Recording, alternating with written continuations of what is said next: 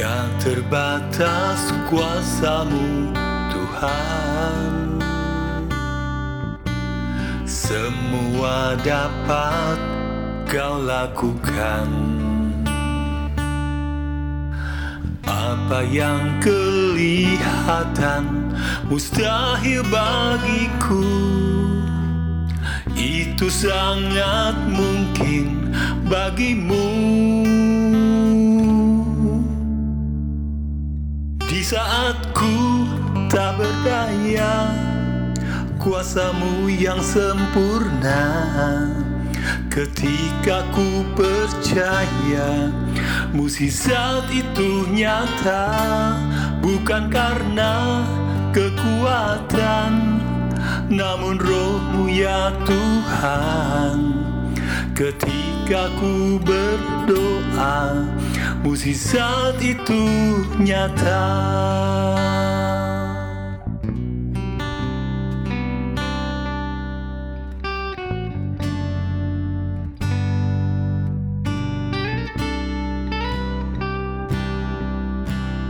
Tak terbatas kuasamu Tuhan. Semua dapat kau lakukan? Apa yang kelihatan mustahil bagiku? Itu sangat mungkin bagimu. Di saat ku tak berdaya Kuasamu yang sempurna Ketika ku percaya Musisat itu nyata Bukan karena kekuatan Namun rohmu ya Tuhan. Ketika ku berdoa Musisat itu nyata. Ketika ku berdoa Musisat itu nyata. Oh, oh, oh,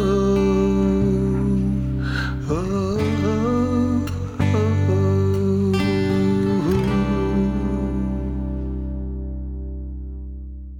Shalom jemaat damai yang terkasih.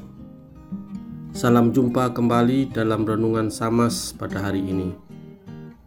Mari kita mulai perenungan kita dengan doa Ya Allah Roh Kudus Terangilah hati kami Agar kami mampu memahami firman yang akan kami renungkan Dan berilah kami ketaatan Untuk melaksanakannya sesuai dengan kehendakmu dalam nama Tuhan Yesus Sang Firman yang hidup, kami memohon. Amin. Renungan kita hari ini didasarkan pada Injil Lukas pasal 18 ayat 35 sampai 43 yang berbunyi demikian. Waktu Yesus hampir tiba di Yeriko, ada seorang buta yang duduk di pinggir jalan dan mengemis. Waktu orang itu mendengar orang banyak lewat, ia bertanya, "Apa itu?" Kata orang kepadanya, "Yesus orang Nazaret lewat." Lalu ia berseru, "Yesus, anak Daud, kasihanilah aku." Maka mereka yang berjalan di depan menegur dia supaya ia diam. Namun semakin keras ia berseru, "Anak Daud, kasihanilah aku." Lalu Yesus berhenti dan menyuruh membawa orang itu kepadanya. Dan ketika ia telah berada di dekatnya, Yesus bertanya kepadanya, "Apa yang kau kehendaki supaya aku berbuat bagimu?" Jawab orang itu, "Tuhan, supaya aku dapat melihat." Lalu kata Yesus kepadanya, "Melihatlah engkau, imanmu telah menyelamatkan engkau."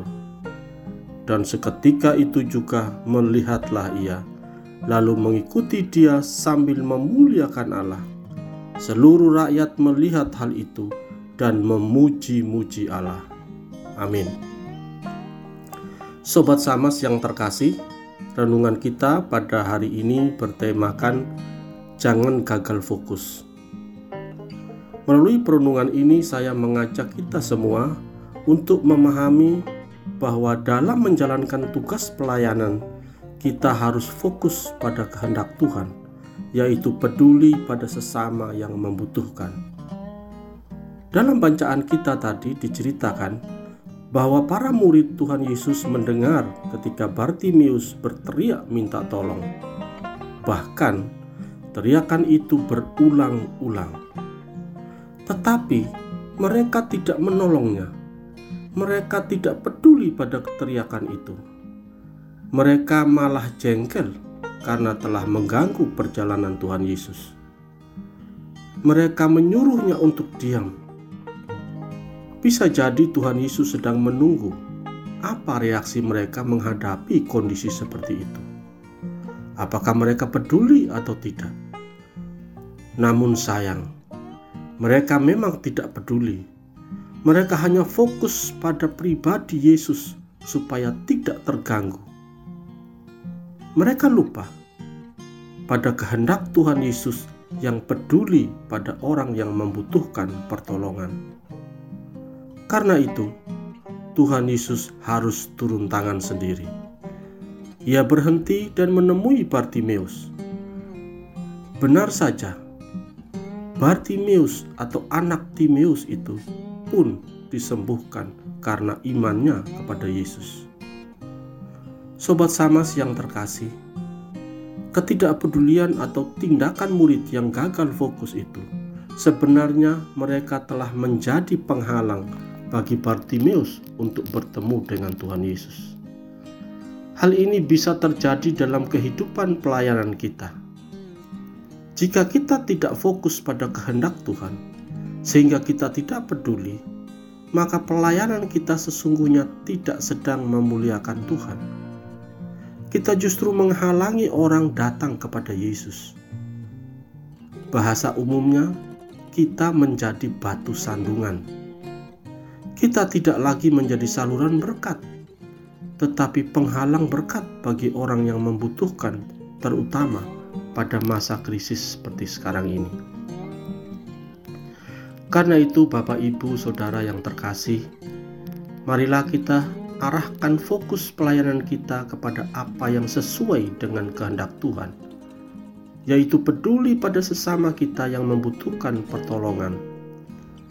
Tidak salah kalau fokus kita adalah Yesus, tetapi jangan lupakan kehendaknya bagi kita untuk peduli pada sesama seperti kesibukannya saat berada di dunia ini. Karena untuk itulah kita ada sampai hari ini. Amin. Mari kita berdoa. Bapa dalam surga, Bapa yang begitu mengasihi dan peduli pada kami.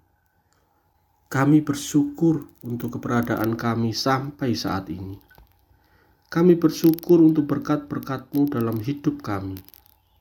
Kami bersyukur jika Tuhan telah memakai kami menjadi pelayan-pelayan-Mu. Tolonglah kami ya Tuhan, agar pelayanan kami sesuai dengan kehendak-Mu, yaitu peduli pada sesama kami yang membutuhkan pertolongan. Karena untuk itulah kami ada di dunia ini. Terima kasih ya Tuhan. Ampunilah apabila fokus kami selama ini bukan pada kehendak-Mu, bahkan menjadi penghalang bagi orang lain. Dalam nama Tuhan Yesus kami memohon. Amin. Selamat menjadi berkat dan salam sehat selalu.